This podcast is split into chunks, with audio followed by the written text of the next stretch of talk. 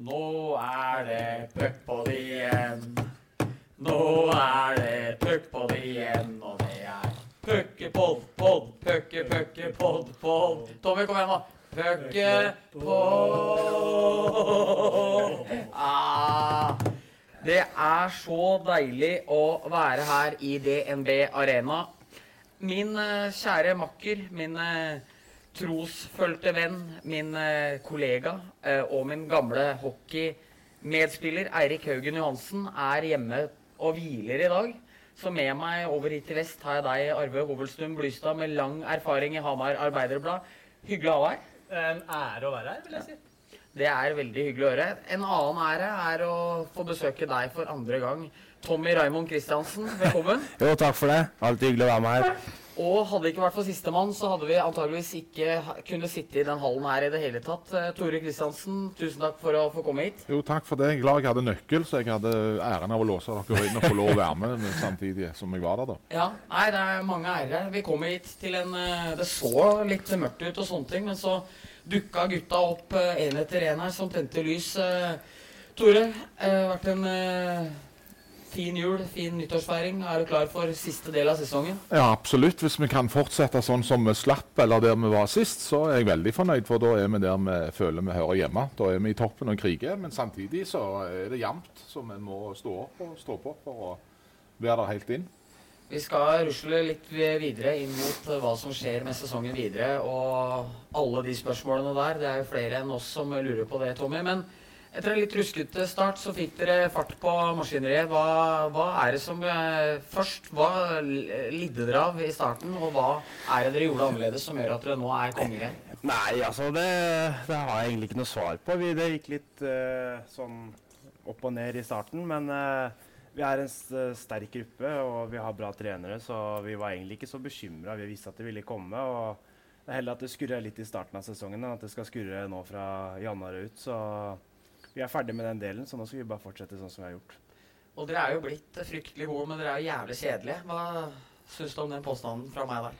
Nei, jeg er litt uenig med deg. Vi er vel en av de lagene som scorer mest og slipper inn mest. Eh, minst, så, så kjedelig er vi ikke. som sagt. Vi, vi spiller for å vinne, og vi er også en av de beste powerplaya i hele ligaen, så jeg er ikke helt enig med deg der. Er ikke det som er at dere er litt uh, kjedelige? At dere har altfor god kontroll? Dere er gode i special teams? Dere har liksom Det er, det er, ikke, det er ikke den ordentlige krydringa?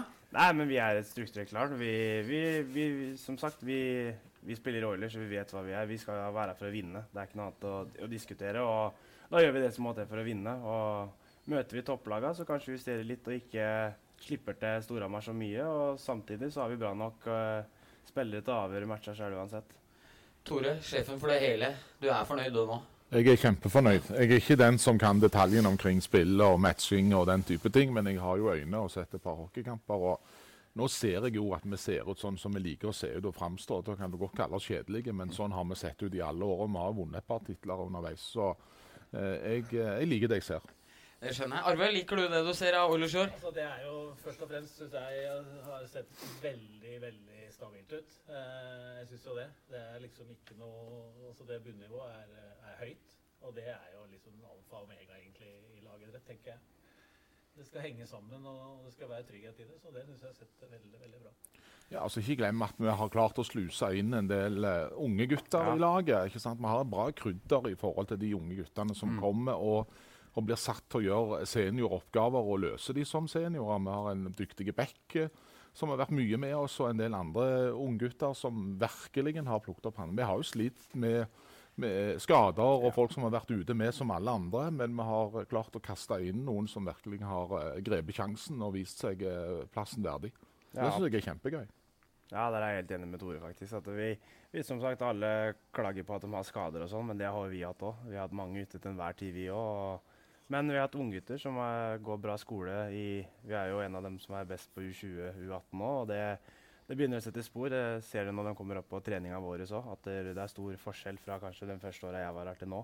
Nå kommer gutta inn og, og kriger og er nesten klare for å ta en plass i laget. Og, og det er herlig, for det er framtiden vår.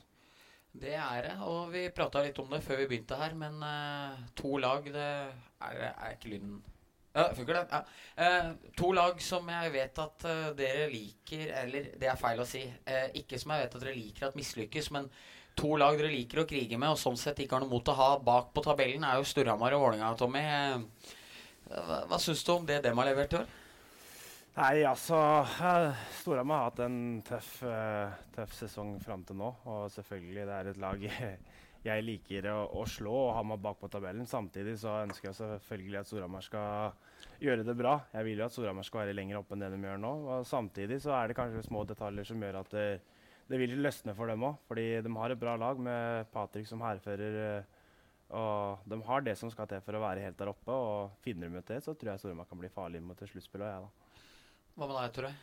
Er det, er det litt deilig å se at Ja, jeg, laget jeg sliter? verken liker de eller liker å tape for dem, så det, det passer egentlig bra at de ligger der de ligger. Men samtidig så må jeg jo si altså de liker menneskene og de som er i klubben og spillerne og alt dette. Og det er kjempeviktig for norsk hockey, for dette, de er tross alt lokomotivene i, i det vi driver med. Og, og da må de kjenne sitt, være sitt ansvar bevisst. Eh, og, og da håper jeg og tror jeg at de begge to klarer å løfte seg de neste månedene og inn mot sluttspillet. For det, det er to viktige lag å ha i toppen. Ja, for det var neste jeg skulle spørre om. Hva har det å si for norsk hockey at akkurat nå så ligger to, sammen med dere, kanskje de tre største lagene de siste 20 åra, litt nede? Hva har det å si sånn publikumsmessig, interessemessig og ikke minst mediemessig? Ja, det har veldig mye å si. så det er klart at som jeg sier, De er jo lokomotivene, og det er de som får mest omtale, og som, som har størst, størst fanbase. Så det er kjempeviktig at de presterer. Men eh, jeg er litt sånn som Tommy. Jeg tror nok at de kommer. De er litt seige og har fått enda tøffere start enn oss. Men eh, jeg tror nok når det drar nærmer seg påske, at vi vil se konturene av et helt annet lag både på Hamar og ikke minst på Jordal. Er Hamar en litt for liten by der Viking i år appellerer til alle og begynner å fylle ut, ut på Jåtta? Likevel så er folk interessert i Oilers. Tenker du, Nå skal du få svare for eh, Stavanger, da, men her virker det ikke å være noen stor utfordring. Mens det kan det være i større grad hjemme der jeg og Arve kommer fra. Ja, det er nok en utfordring i forhold til folketall og at folk sin fritid er ganske dyrebar, og en skal liksom gjøre noen valg, både i forhold til kronasje og tid. Eh, her er vi mye større, og så har vi klart å bygge opp en ganske trofast menighet. Som, altså Vi trenger ikke 15 000 på trippen, men når vi har 3000 solgte sesongkort, så vet vi jo at det alltid er folk på Vestlandet. Så, så, og at Viking gjør det bra, er egentlig bare positivt for oss, at de har masse folk på tribben som òg syns det er gøy å gå og se på sport og idrett. Og da er det klart at da kommer de òg og ser på oss på vinteren. Ja. Så, så vi, vi lærer jo opp, eller de er med og lærer opp publikummere på en måte. Så istedenfor å være misunnelige på at de har masse folk, så tror jeg heller at vi skal si at det er positivt og bra for alle idrettene. Ja. Er det noe samarbeid med, med Viking? Ikke, ikke noe veldig formalisert, men vi, vi kaster ikke kniver etter hverandre. for å si det sånt. Vi, vi, vi snakker godt sammen. Men det er klart vi konkurrerer på sponsormarkedet spesielt. På publikum har vi ikke noen store utfordringer. Så der er det sånn som dere sier, at der har vi bra med folk på tribben, enten det er fotball eller hockey. Eh, sponsormarkedet er litt tøffere. Der er vi ikke bestevenner, men eh, vi klarer å leve helt greit på siden av hverandre. Dere som spiller, hvor interessert er dere i Viking? Og er det på en måte sånn at jeg merker at i Storhamar så blir det mer og mer eh, inn, at det blir mer interessert i HamKam nå i mye større grad. Hvor mye bryr dere dere om Vikinga, eller er det 08 på deg? Nei, altså på meg er det faktisk Brann. Eh, Brann på ja, deg? ja, ja, ja. Holder med Brann. Gunnar Raymond Kvisvik spilte der når jeg var yngre. Ja. Som er sarping. god mann.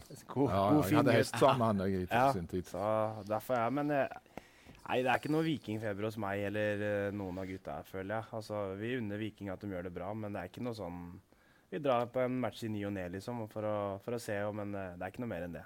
Hvem er det som dominerer på gamle halv tolv når Viking og Oilers er der samtidig?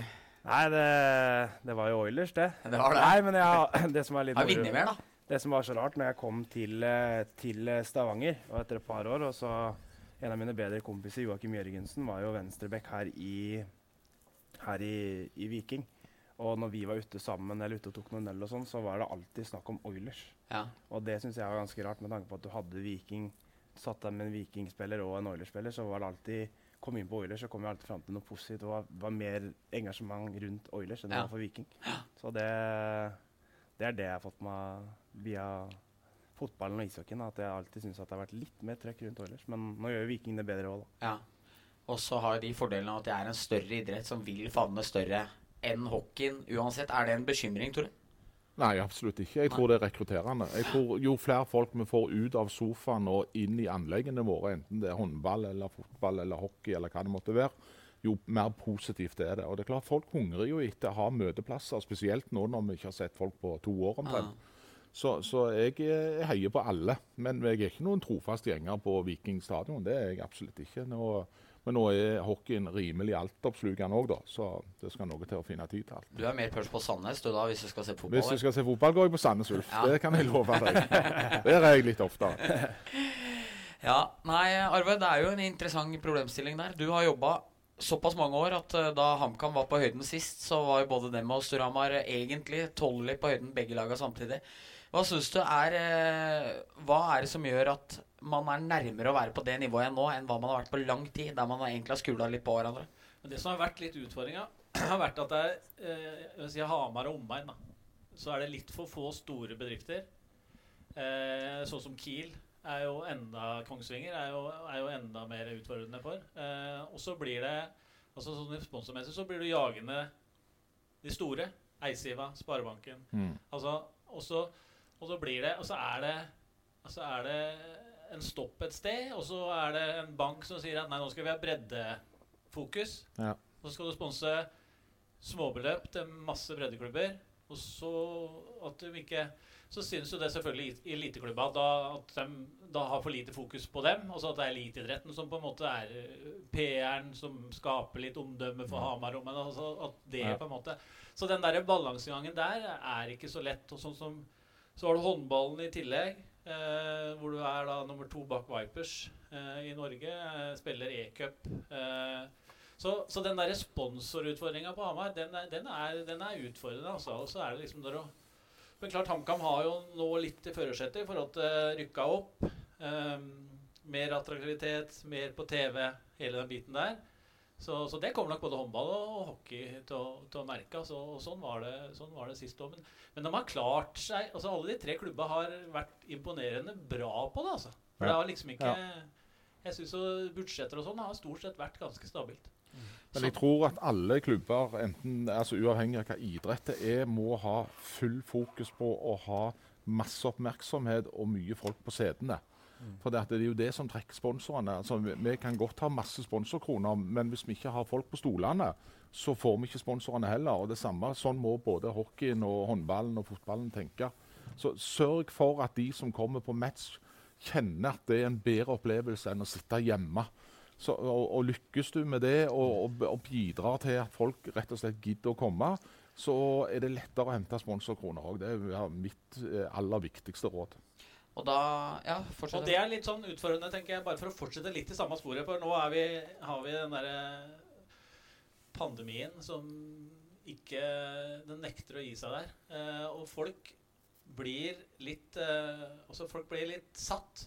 Det Ja. er behagelig Mm. Ja, å sitte i sofaen og se på TV. Absolutt. Eh, Du får den biten der. Eh, Litt sånn noen fry, litt sånn skummelt å, å gå ut der det er mye folk og litt sånn. Sånn, så fort dette her er- når, Så fort verden blir normal igjen, da, for å, hvis vi skal bruke de orda, så håper jeg at alle klubber eh, gjør en bra jobb da, for å få folk på match. Tilby kanskje noe ekstra. Altså, for det tror jeg mange er helt avhengig av. At, eh, at du ikke blir sittende i den sofaen, koronasofaen, koronasofaen, som jeg kaller den innimellom. Absolutt. Vi bruker jo veldig mye tid nå når vi ikke får lov å gjøre noen ting, til sammen med markedsfolkene våre til å jobbe fram nye konsepter, nye camps, nye ideer.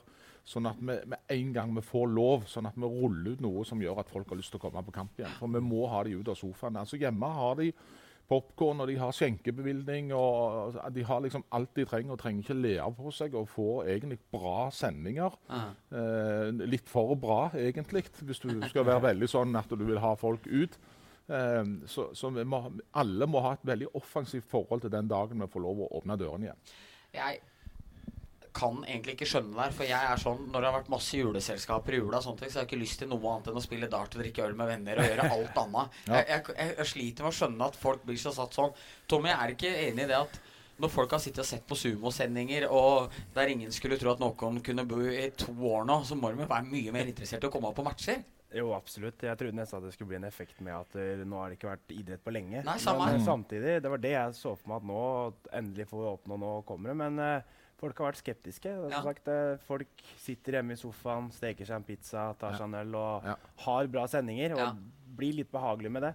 Så det er en jobb som må gjøres når det her er over òg, absolutt, å få folk tilbake. Men uh, som litt som Tore var inne på, du må kanskje servere litt mer enn bare hockey. da. Det må liksom være et konsept, det må være noe som skjer litt rundt. For eh, det er nok mange som kommer litt for showet rundt òg, skal jeg være helt ærlig. Og det tror jeg, tror jeg er utrolig viktig. Det er det. Og nå spiller du meg på blank kasse, Tommy. Takk. Uh, for Tore, nå så jeg Tommy Nå så jeg Frisk uh, for skjenkebevilgning når de kommer i gang i Ja. sin nye hall. Ja. Dere har det allerede. Mm. Uh, dere er en moderne idrettsarena. Her trenger du ikke å være hyperinteressert i hockey for å kose deg et par timer når det er match.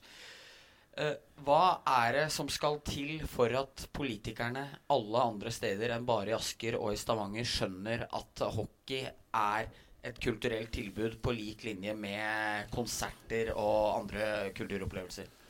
Ja, altså Det vi gjorde som jeg synes var ganske genialt selv, det var jo at det lå jo i kortet når vi bygde arenaen, så var det automatikk i at tredje etasje, som da har losjer og VIP-fasiliteter, de skulle jo få full bevilgning både for øl og vin og brennevin.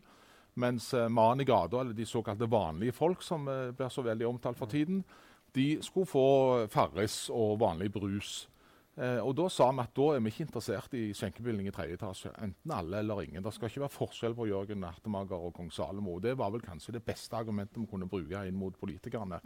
Eh, for det, det var det ingen som torde å gå imot, liksom. Hvorfor skal han som eh, bruker 500 000 i året ha den kuleboksen, han skal få lov å sitte der med kanapeer og champagne, og så skal han som betaler det han klarer for å komme på match, han skal ikke få samme rettighetene. Så vi har alltid vært opptatt av at det skal være likhet for loven. Ja. Og alle skal ha samme rettigheter. Det tror jeg er et bra innspill inn mot politikerne. For jeg tror ikke jeg ser mange politikere som tør å gå imot akkurat det. Nei.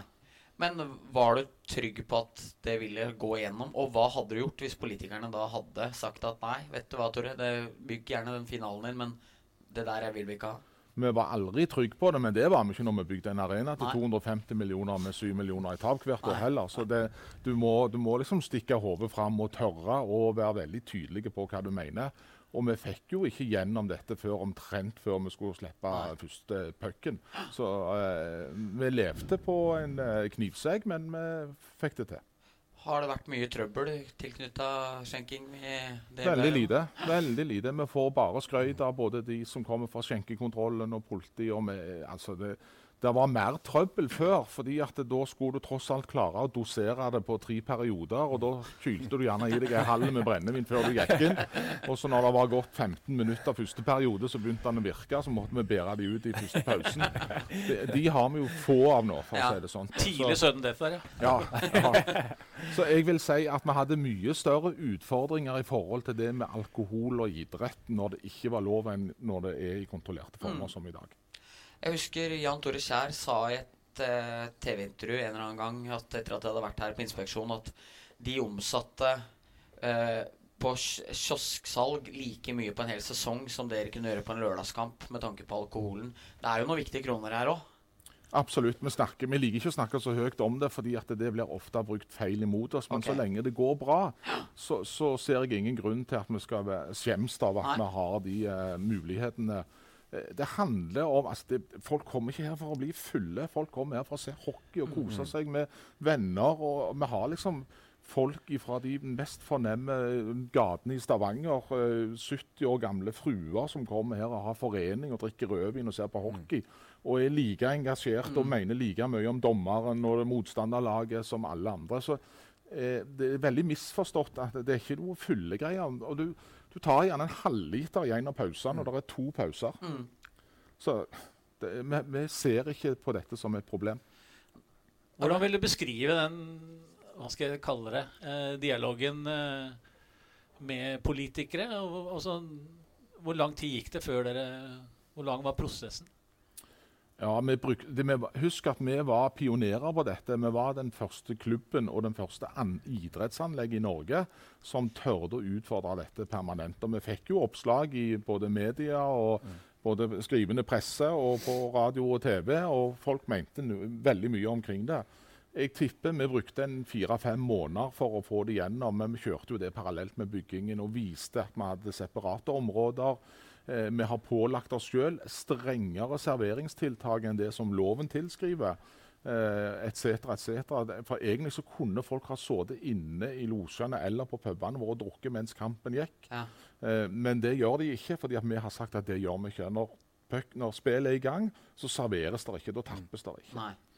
Så, så hvis du legger det til rette på rett måte, så går det bra. Og det er klart at det er en god inntektskilde. Og så er det litt samlende òg. Istedenfor at gutta går på puben, så går de gjerne på hockey og tar seg en øl sammen. Det er sånn det er. Og det, Tommy, jeg og du har jo mange felles bekjente gjennom ishockeyen. Ser jo det at, Jeg veit ikke åssen det er med eh, barndomsvenner fra Sarpsborg og sånne ting, men kompiser av meg fra Hamar, som du også kjenner godt, eh, har jo gjerne lagt eh, noen vinterturer hit. avbryter på en måte vanlig hverdag med å ta en lørdagskamp her. Og da er jo på en måte det en del av grunnen. Altså ikke det å sitte og hyle nedpå øl, men det at du får en litt annen opplevelse enn å bare drikke sur kaffe og spise Kvikk Lunsj. Hvor viktig er det for de rundt deg, og de som på en måte ønsker den opplevelsen? Nei, absolutt. Jeg har kompiser som kommer stadig vekk jeg, på lørdagsmatcher og sånn. Og så, så er det litt som Tore er inne på, da. Du kommer gjerne litt før, får i deg en øl eller to og kanskje gjerne noe godt å spise på. Og så ser du hockey. Det er det som er greiene. Folk Mm. tror at man er i hallen og drikker. Det er ikke sånn det er. Nei. Du får deg kanskje én til to øl før matchen, og så sitter og ser en halvtime på periode, og så får du deg et glass rødvin og kanskje en dessert eller et eller annet. Altså, det blir ikke mange enhetene heller i løpet av, løpet av en match. Og så er det sosialt, da.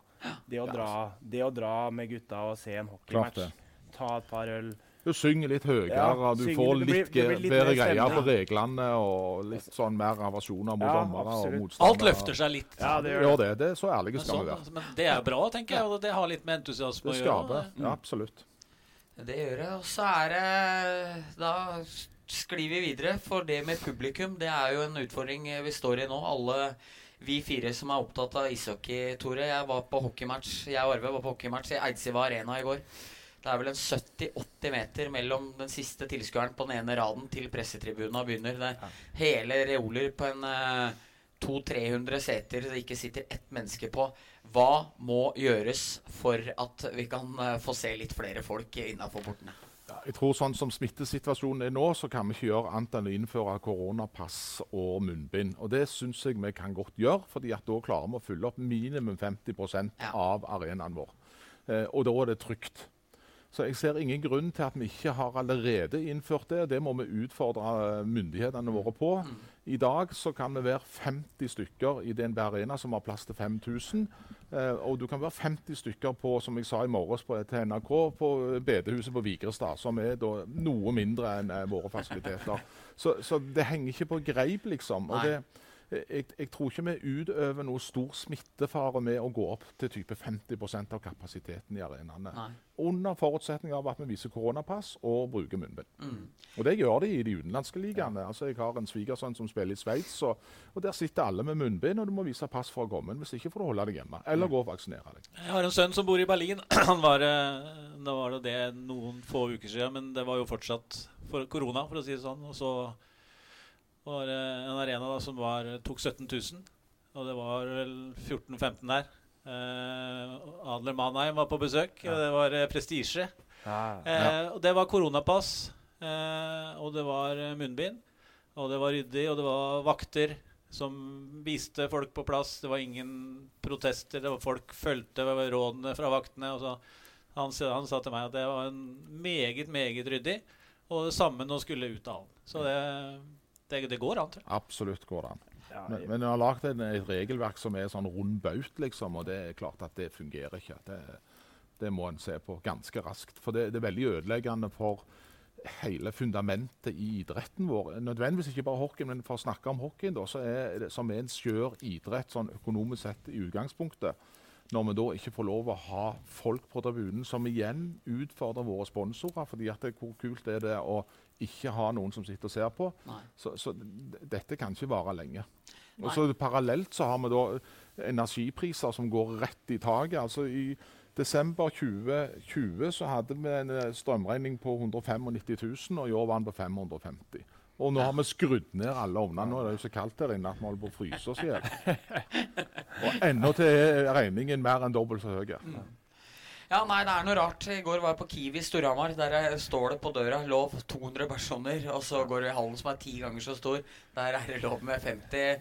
Hvor mye preger det dere spillere av, Tommy? Nei, det er selvfølgelig, det preger oss absolutt. Eh, særlig her, syns jeg i hvert fall, da, hvor vi er vant til å ha mye folk. Vi, å komme i DNB Arena, du ser det er 50 personer. Samtidig så kan jeg gå etter matchen og stikke ned på Madla-senteret hvor det er sild i tønne. Jeg skjønner ikke helt eh, hva som er greia med det. Eh, det er trist, egentlig. Eh, det er eh, Vi er vant til å komme på her hvor det er en 4000 mennesker, og det gir mye energi. og det, det er utrolig viktig for oss spillere å ha publikum på tribunen nå, samtidig som Tore er inne på. Jeg også mener at vi må ha koronapass og, og munnbind. Og har du det, så får du lov til å komme på matcha. Jeg, synes, jeg så jo bare i, i vinter, når du så Vinterland inne i Oslo, hvor det gikk Det var sild i tønne, men du, å dra på idrett var ikke lov. Det, så jeg skjønner ikke helt hva, hva de tenker med den politikeren vår akkurat nå.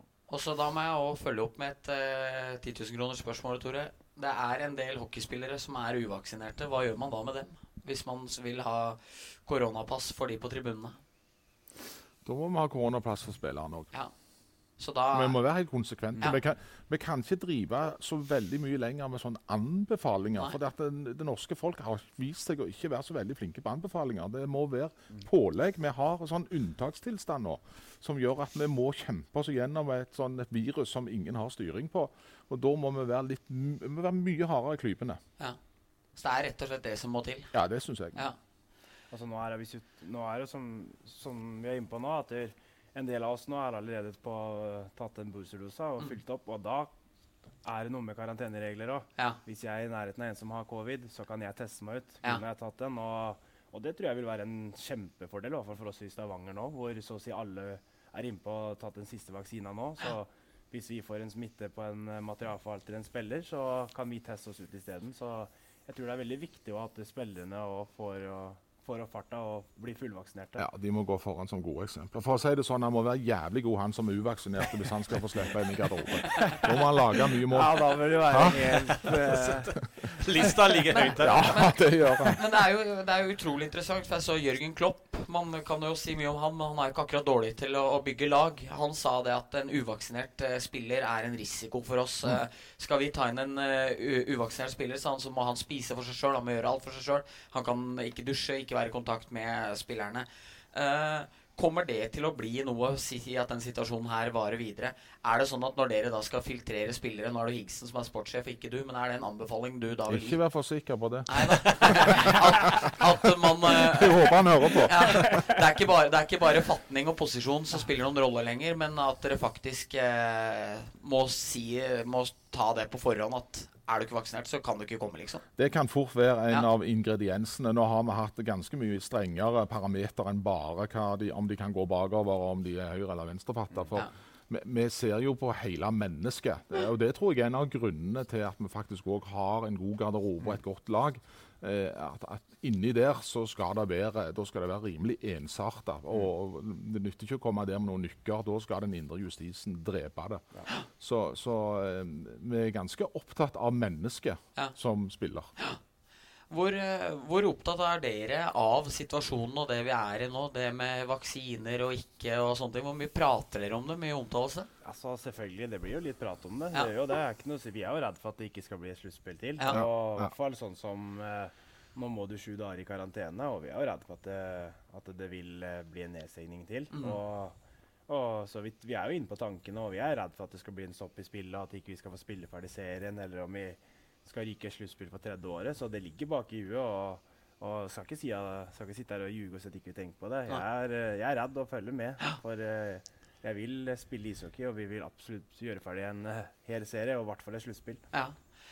Hvor, hvor katastrofe er ikke riktig å bruke? Det lærte jeg av en tidligere Oilers-trener. Men Ja, hvor, hvor kritisk vil det være for norsk hockey om det ikke blir sluttspill enda et år? Tror jeg. Det er veldig mange elementer inni den gryta der, for å si det sånn. For det er én ting er økonomi, det andre er liksom disse stakkarene som lever av å spille type Tommy. altså de er, Det er jobben deres, dette. Og det er klart at de får ikke utøve arbeidet sitt for kanskje tredje året på rad. Og ikke den viktigste delen av sesongen, faktisk. Men, men eh, så er det andre elementer, som er rekrutteringen, og gjerne noen som henger skøytene på hylla, for dette orker de ikke lenger. ikke sant? Hvis, det, hvis vi alltid bare skal spille halve serien og, og regne ut sånn eh, bingolotto, hvem som har vunnet, og litt sånt, så, så blir det feil i lengden.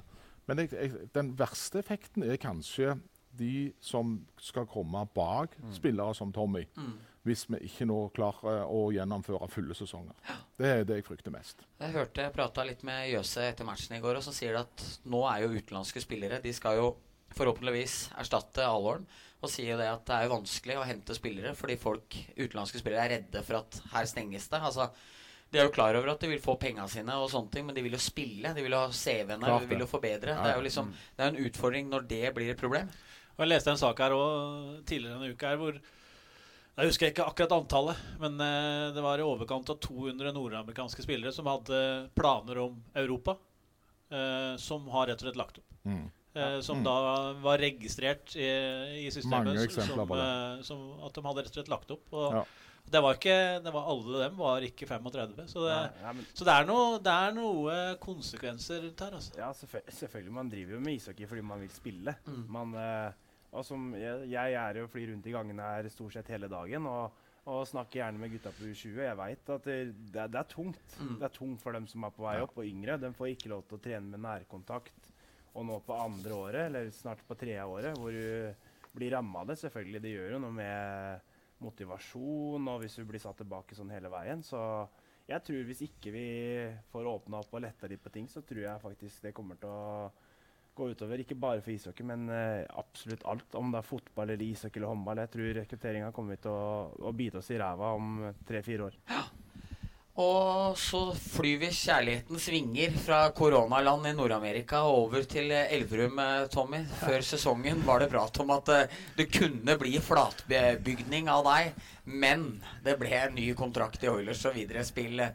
Du knuste mange Hamar- og Elverum-hjerter igjen. Ja, nei, altså det, Christian Brevik skrev litt det, det han ville. Jeg sa jo at der, um, man skal ikke få sjokk om jeg skriver to nye år i Oilers, men det var en liten skrift nederst, dessverre. Men uh, som sagt, nå har jeg jo fått familie, og jeg er veldig familieskjær. Og så er det vel naturlig at man tar et familieråd. Ja. Absolutt. Men uh, jeg tror alle som kjenner meg, og dem som er i nærheten, vet hvor glad jeg er og hvor bra jeg hadde i Oilers. Så jeg tror ikke det var noe overraskelse. Og heldigvis har jeg en samboer som trives veldig godt. og og har sagt så lenge du vil spille ishockey, og, og for meg så er det i Stavanger. Det er her jeg vil avslutte å legge skøytene på hylla. Så har jeg vært så heldig jeg har funnet en som, som støtter meg på det, og da ble valget veldig enkelt for meg.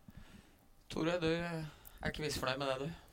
Nei, han har funnet seg ei klok jente. jeg setter stor pris på det. Nå hadde jeg gleden av å treffe han noen ganger òg, før vi ikke fikk lov å treffe folk lenger. Men eh, eh, vi setter veldig pris på å ha Tommy i klubben. Tommy er så mye, mye mer enn det folk tror og ser. Han, han har liksom en så stor betydning for hele DNA-et vårt. fordi han, han representerer oss på så mange måter, og han er som en god ambassadør. Det burde ikke sagt, men nå er vi jo ferdig med forhandlingene, da. Så det, men, her, men han, han har en stemme i garderoben, han ser alle.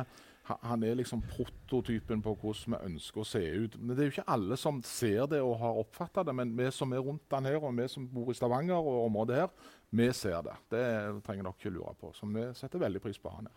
Hvor uh, viktig er han med tanke på sponsorarbeid opp mot uh, det Altså, du er, jo veldig mye inne på det nå, men på en måte den uh, den biten der òg. Altså en hockeyspiller er jo ikke bare en hockeyspiller. Altså Patrick Thoresen for Stramar han dyttes jo frem på ting, han også. liksom. Hvor, hvor stor posterboy er Tommy for dere? Han er den største posterboyen vi har av alle. Og, og det gode med han er at han elsker det. Så Ja. det, det, det, han er aldri vanskelig å be.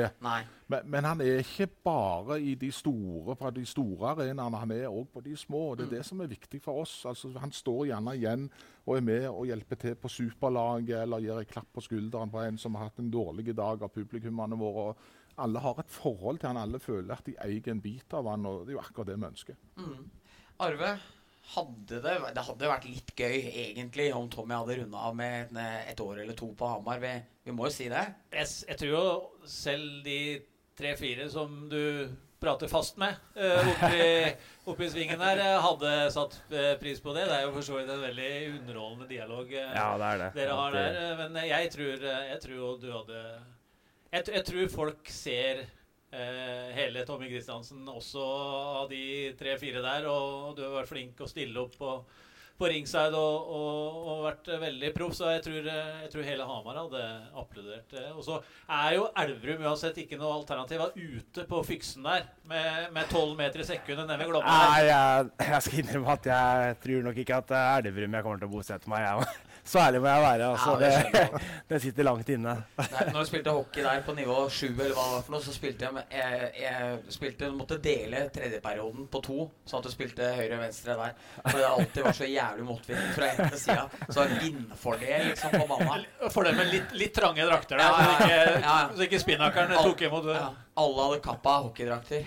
Nei da. Nei, eh, Tommy, det er, det er jo synd at det ikke blir noe Storhamar, da. Men eh, sånn får vel bare bli. Ja, nei, altså, Jeg syns alltid det er moro å komme til Hamar. Ja. jeg, det er, jeg liker fansen her, og de liker å bue på meg, og jeg liker å fyre opp dem. Så som sagt, det, det, jeg får mye skriking under matcha som jeg liker, og samtidig så får jeg hyggelige meldinger av fansen etter. Så jeg har et kjempebra forhold med Storhamar sånn sett. Så, men for meg så er det Stavanger som gjelder. Men det var stort da du heiste det hvite flagget der på den eh, fantastiske matchen. Det var vel den matchen når, når Kissel ble skada, og Rønhild og Thoresen satte sandwich på Morley, og det var masse bråk hele veien. Var ikke det den kampen? Jo, det stemmer det. Ja. Nei, det er alltid litt uh, ekstra mot Brynesen Storhamar. fem tominuttere. Ja, det stemmer det. Ja, det. Det hender at det sklir litt ut mot uh, Storhamar. Uh, jeg tror ikke de er så fornøyde med oss som har tatt over, tatt over og blitt det førende laget i Norge. Men nei, det er alltid kult å møte Storhamar. Vi, vi kniver om å være det beste laget, og da blir det litt ekstra fyring. og så er det litt moro når du har Patrick der og du har Rønnhild som smeller på litt. og Da, da blir det naturlig at det blir litt mer eh, morsomme kamper å se på, tror jeg. Vi var litt innom det i stad, Tore, men uh, hadde et intervju med Storhamars styreleder som uh, omtalte at uh, Storhamar var, var, var veldig fornøyd med at Storhamar var i ferd med å bli en utviklingsklubb. Han sier også der at Storhamar skal utfordre om å være i toppen. Men eh, de signalene det sender at uh, Storhamar eh, på en måte liksom ikke slår seg litt hardere på brystet og sier at man vil være med helt der oppe, hva tenker du om det? Nei, det hadde iallfall aldri jeg sagt, for å si det sånn. Og Jeg tror at en må klare å ha to tanker i hodet samtidig, og, og, og det burde nok blitt sagt der oppe òg. Storhamar kan aldri slippe seg nedpå og ikke ha ambisjoner om å være topp tre. Alt annet er feil. Men, men samtidig så har de ressurser og masse flinke mennesker som gjør at de parallelt kan være en utviklingsklubb. Og sluse inn de talentene som er gode nok. Og så får de låne bort noen av de som ikke er riktig gode nok ennå, og ta det hjem igjen og litt sånne type ting. Eh, og liksom ta et sånn hvileskjær på et år og to fordi at en tror at en skal eh, klare å utvikle noe som blir bra det år tre. Det, eh, publikum er ikke så tålmodig at de kjøper den. Nei, og Det ser man vel allerede litt i år òg, at det, det kommer bare 500-600 på matcha ennå. Nei, det, det har jeg ikke tro på. Vi er litt svære kjeften og går Eller jeg går ut hvert år og sier vi skal vinne, og så blir de sure på meg. Iallfall Pål, for han sier liksom det, du legger litt mye press på. Men hvis han ikke klarer å leve med det, så har han feil jobb, liksom. Ja. Det, en klubb som vår må alltid ha ambisjoner om å vinne. Så får vi tåle at noen er bedre enn oss noen år. Det, det, det fikser vi. Men stort sett så står du jo på isen med, med midtskill og gulldress i Ja. april uansett. Altså det, det pleier å gå greit. Det pleier å gå greit. Det Ja. gjør det. Vi har noen sånne hvileår vi òg, men, men ikke fordi at vi har hvilt oss til det. Det er rett og slett for noen har vært bedre enn oss, og da er det ære være de for det. Mm. Eh, Tore, dere har hatt enormt med suksess, eh, men i 17-18 så hadde dere en utrolig svak sesong. Eh, røk ut i kvartfinalen. Hadde egentlig trøbbel gjennom hele sesongen det året. Eh, tenk på at den sesongen har vært litt lik den Storhamar har stått i nå. Dere valgte da å stå med Pål Gulbrandsen ut eh, hele året, til tross for at media flere ganger spurte om både han og Higgsens jobb og det ene med det andre. Eh, hvor vanskelig, eller hvor lett er det å ha trua på et prosjekt når man sjøl ikke får de sportslige resultatene man ønsker og forventer? Ja, det er, det er definitivt ikke lett. Nei. Det kan jeg love deg. For det er klart at vi som alle andre blir påvirka av det som står i avisen, og det som media omtaler, og det som publikummene sier. Men, men husk at vi hadde bygd opp klubben med å prøve den andre medisinen og liksom ha to-tre trenere per sesong. Vi ble, ikke akkurat så veldig mye bedre av det. liksom. Så, så noe har vi klart å lære underveis. For når, når jeg overtok klubben i 2004, så vingla vi noe voldsomt. Både på spillermateriell og på trenere. Eh, Higsen var ung og dum, og jeg var ung og dum. Og, eh, men, det, men det er lov å utvikle seg, og da har vi vært litt sånn at la oss holde på guttene våre, enten det er spillere eller trenere, lengst mulig. Eh, så, og det har vi klart. Det vil jeg påstå. Så de unntaka f.eks. med spillere som har blitt sendt hjem fort, og sånne ting, da har det ofte vært ting relatert Da har det nok vært helt andre årsaker som Ja. vi ikke diskuterer i podder, Ja. for å si det sånn. Ja. Ja. Og det er før det. Er det en trygghet for spillerne og Tommy at man uh, i utgangspunktet i hvert fall får ett år på seg til å vise frem at det kan være noe? Ja, absolutt. Eh, For det første så bygger du mer enn bare et lag. Du bygger en, en kompisgjeng. Mm. Det, vi får tid til å bli kjent og kjenne hverandre på godt og vondt. Og det tror jeg er kanskje den største fordelen her i Stavanger. At vi, vi, er, en, eh, vi er en stamme med gode kompiser. Mm. Vi vil hverandre godt, liksom. Og det, og det har vi vært alle år jeg har vært her. Vi har vært eh, mange av dem samme samtidig. Det kommer nye, det kommer yngre. Men vi har en stamme som har vært Mm. der hele veien. Og Og tryggheten i bånn. ja, og så har vi tryggheten i bånn. Vi vet at der, eh, så Tore, Pål, de, de setter pris på oss òg, da. Det er, eh, og det, det tror jeg er utrolig viktig. Når du har tryggheten bak der, så blir det bedre på isen òg. Det er jeg helt eh, overbevist om. Og det tror jeg er grunnen til at vi er et topplag òg. At vi, vi, er, vi er trygge på at vi, vi er her for å gjøre en jobb, og vi vet at vi får støtte av styre, ledelse og fans. Eller ikke alltid fans, men uh, i hvert fall av så, så gjør vi det bedre på isen òg. Det er jeg helt eh, bombesikker på. Hvor, hvor, hvor lang tid tok det å på en måte bygge den kulturen? Ja, Det tok noen år. og det, Hvis du leser historien vår, så ser du jo at vi rota noe fælt i de første årene. Eh, men det snudde nok når vi tørde å ansette Petter Thoresen. Eh, han var nok en nøkkel der. Og, og eh, liksom tross alle råd om å ikke gjøre det, for Petter er stein hakke galen og krever veldig mye av omgivelsene. Eh, så, så etter noen gode samtaler med Petter, så fant vi ut at han hadde vel akkurat det vi trengte for å bygge den klubbkulturen. Så Så det var grunnmuren, på en måte? ja, at vi turte å ta det valget mot alle odds, egentlig. ikke? For, for Petter er beinhard, det, det tror jeg alle vet. Men det var kanskje det vi trengte på den tiden, og så har vi opprettholdt det. Altså Hvis du ser på han treneren vi har i dag, så har han veldig mye av samme filosofien. og det at Du må trene dobbelt så mye som de andre hvis du skal bli bedre enn de, liksom. Så det, det, Du kan ikke hvile deg til, til mesterskap. Du må trene, trene, trene. trene. Og det er klart Av og til er det litt slitsomt, men, men eh, det er det som betaler seg. Jeg husker Moste sa det en gang at man kunne være litt lei eh, Petter på tampen av sesongen, men man, visste, men man satt samtidig med en gullmedalje rundt halsen, så da var det på en måte verdt det. Eh, noe av det samme sies jo om Fritz Aanes i hodet i klemme. Du har jo hatt eh, Petter som trener, eh, Tommy. Hvor tøft er det? Hvor, hvor mye kan du hate den, men hvor glad er du inn? Nei, altså, Det er ikke noe å si på det. Petter var knallhard, han. Men samtidig så vet du hva du fikk. Eh, vi veit at dere eh, vi trente ekstremt hardt. Vi vant eh, ja, alle åra jeg var her og Petter var her, så var vi med å vinne. Han, krevde, han stilte krav til spillere. Han krevde at vi trente mest. Vi, vi var i mye styrkerommet, og han bygde han, han krevde litt av deg. Det var ikke bare å komme på treninga, være utpå i 50 minutter og så dra hjem og, og se på TV. Han var knallhard, men uh, Samtidig så visste vi at uh, på slutten av sesongen så kom vi til å stå med en gullmedalje. Og, og jeg trodde at jeg var vinnerskallet helt til jeg møtte Petter, fordi der, der var det å vinne. Det var ikke noe annet. Jeg kunne vinne, og det tror jeg faktisk vi har med oss den dag i dag òg. At det Petter har klart å bygge inn i de gutta som er her. Og, og det er noe vi videreført siden Petter dro. og alle spillere som kommer til Stavanger, de får gjerne beskjed av oss som har vært der hele veien, at spiller du i Stavanger, skal du vinne. Og, det, og det må vi tørre å si òg. Mm. Kommer du fra Storhamar eller Vålerenga kommer til oss, så får du ganske beskjed ganske tidlig at her trener vi hardt, for her skal vi vinne. Ja. Så enkelt er det.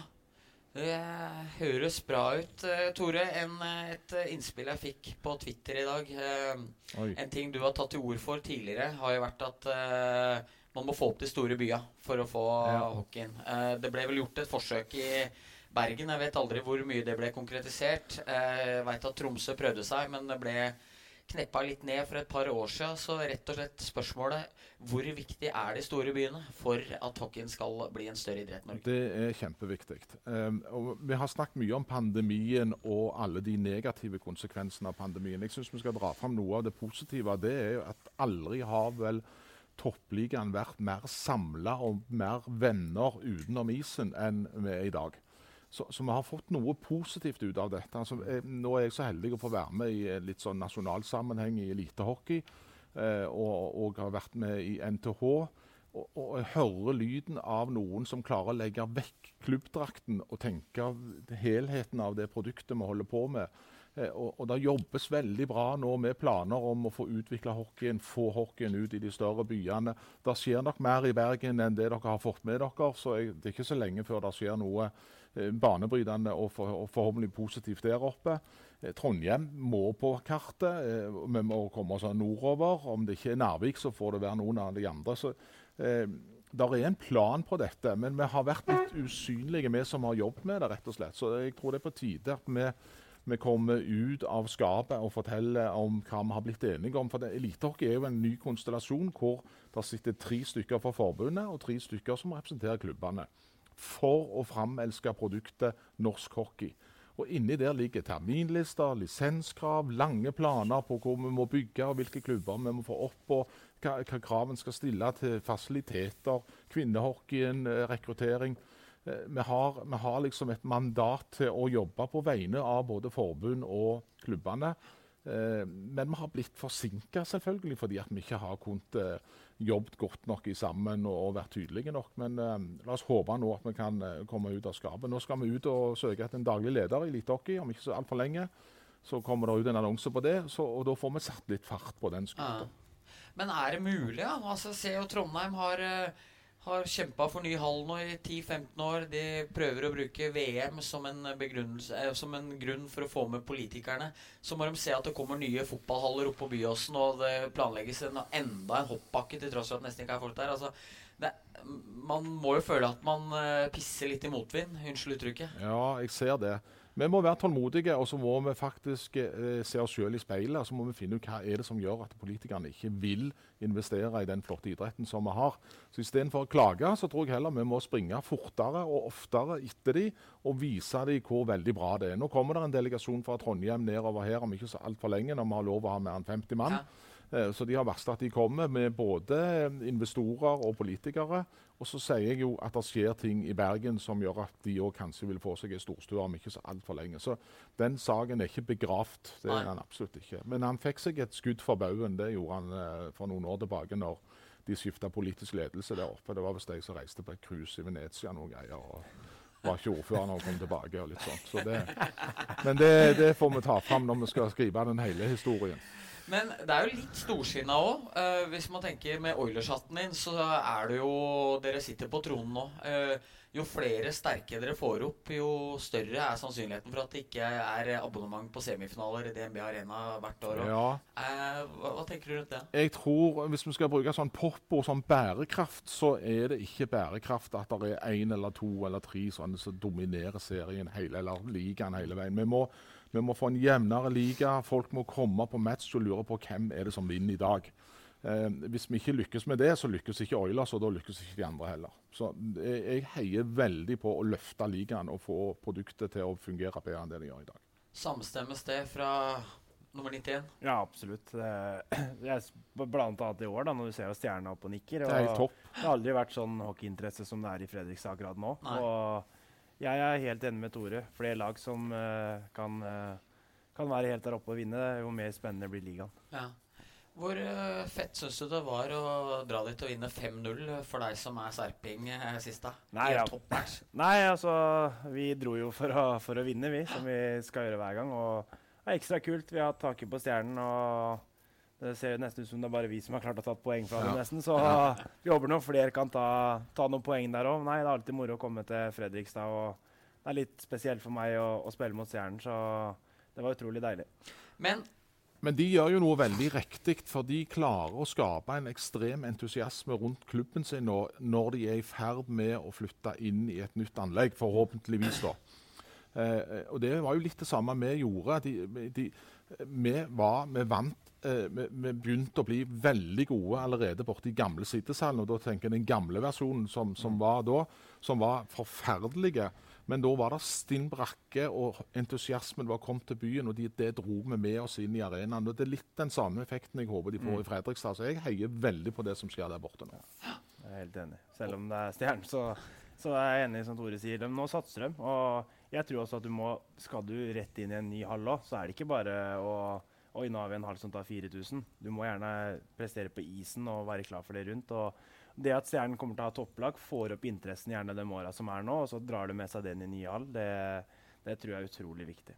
Tror du det kan ha en positiv effekt for Sparta, som står litt i en uh, uh, situasjon med at uh, iskatedralen på Brevik, som det omtales som ESA jevnt og trutt, ikke lenger er noen iskatedral? At Sparta og Sarpsborg trenger òg en ny ishall? At Stjernens opptur og dems inntog i en ny hall kan gjøre at også Sparta vil dra fordeler av det? Ja, jeg tror det absolutt. Og, og Sparta trenger ny hall. Det er, eh, det er, ikke noe å diskutere. Hvis ikke Sparta vil få en ny hall i løpet av fem-ti år, så tror jeg det kan uh, gjøre at Sparta vil uh, havne bakover.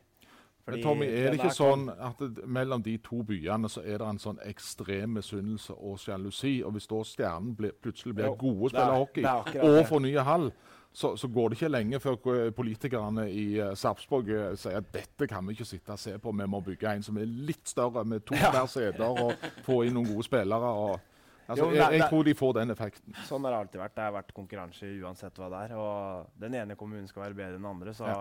jeg tror uh, det at Stjernen vil gå foran og få en halv, og, og det tror jeg vil smitte bare over på, på Sarpsborg. Det er jeg helt overbevist om. Hvor viktig er det økonomiske grunnlaget? Altså når dere har flytta, dere flytta inn her, eh, Frisk skal flytte inn i ei storstue som så å si er eh, nøkkelferdig nå. Eh, snakker om stjernene her. Hvor, hvor, viktig er fasiliteter? Ja, det, det, veldig, Du må ikke tro at det er fasilitetene som skaper laget og stemningen. For det er faktisk det du gjør i forkant av at du flytter inn. Så det er veldig feil å tro at hvis vi bare bygger nytt, så blir det bra. Det er livsfarlig. så Det er derfor jeg sier Stjernen bruker den rette medisinen. De skaper den entusiasmen som de er avhengige av, av å ha når de flytter. Eh, men, men, for oss som klubb, eh, når vi gjorde det på det viset, så gjorde det jo at vi gikk fra å være ekstremt forutsigbare når vi budsjetterte. fordi at når vi var i gamle Citysalen, så budsjetterte vi med å tape 5-6-7 millioner hvert år, og vi traff hvert år. Men det er klart det var jo ikke der vi ville være. Så når vi flyttet inn her, så klarte vi faktisk å generere nok inntekter til at laget kunne leve av seg sjøl, eller klubben kunne leve av seg sjøl. Nå tenker jeg ikke nå i disse årene her hvor vi har unntakstilstand og dårlige forhold, men i et normalår så, så produserer klubben penger nok til å drifte seg sjøl, og det var det som var målet. Men unnskyld. Eh, for eh, Stavanger da, og hockeypublikum her som var heldige nok til at uh, eieren var rik nok til å på en måte man kunne ta den risikoen, og man kalkulerte det godt nok. For man vil jo være veldig avhengig av å ha den, eh, de folka i ryggen hvis man skal kunne tørre å satse like mye i Trondheim og Bodø og Tromsø og andre store byer. Ja, men jeg tror det fins folk som er galnere enn meg og rikere enn meg i alle de nevnte byene. Ja. Vi må bare finne dem. Ja. Og så får vi få de til å bli hekta på hockey. Og så ble du òg hekta på hockey? Ja, nei, Det var vel litt sånn fotballabstinenser, fordi jeg hadde en guttunge som spilte fotball i Sandnes Ulf. Og så skjedde det jo fint lite på vinteren. Så ja. da dro vi inn her, og så hadde Oilers begynt å, å le på seg. Og så, ja, Da var vi ikke så veldig mange på tribunene heller. Og så ble det en eller annen som visste hvem jeg var, og så tok jeg et par spillere i arbeid. Og så ble jeg sponsor, og så, ja, så gikk det seg til. Ja, Rett og slett en, Nei, Hvis du kommer fra fotballen og har sett nok fotballkamper og kommer inn og ser en god hockeykamp, så er det jo enkelt. Mm. Altså. Men det er frelsen? Da, da blir du frelst. Ja. Nei, eh, Arve, jeg og du skal ut i, til Sola på Åsenhallen, er det ikke det det heter? Ja, stemmer ja, det. Og dekke håndballmatch om én eh, time og tolv minutter. Så jeg tror rett og slett vi må runde av en litt uh, seriøs, men hyggelig og utrolig fin eh, Puckpod-episode. Håper at lyden er fin, at, lufta, at, episoden kommer på lufta. Tusen takk, Tore. Takk for at vi fikk komme. Tusen takk, uh, Tommy. Takk for at vi kom, ja. Og takk for at du er med meg, Arve. Fortsatt en ære. Ja, fortsatt en ære. Og så er det bare å gi fem stjerner på iTunes og på de stedene der. Og så puckpoddes vi. Adjø.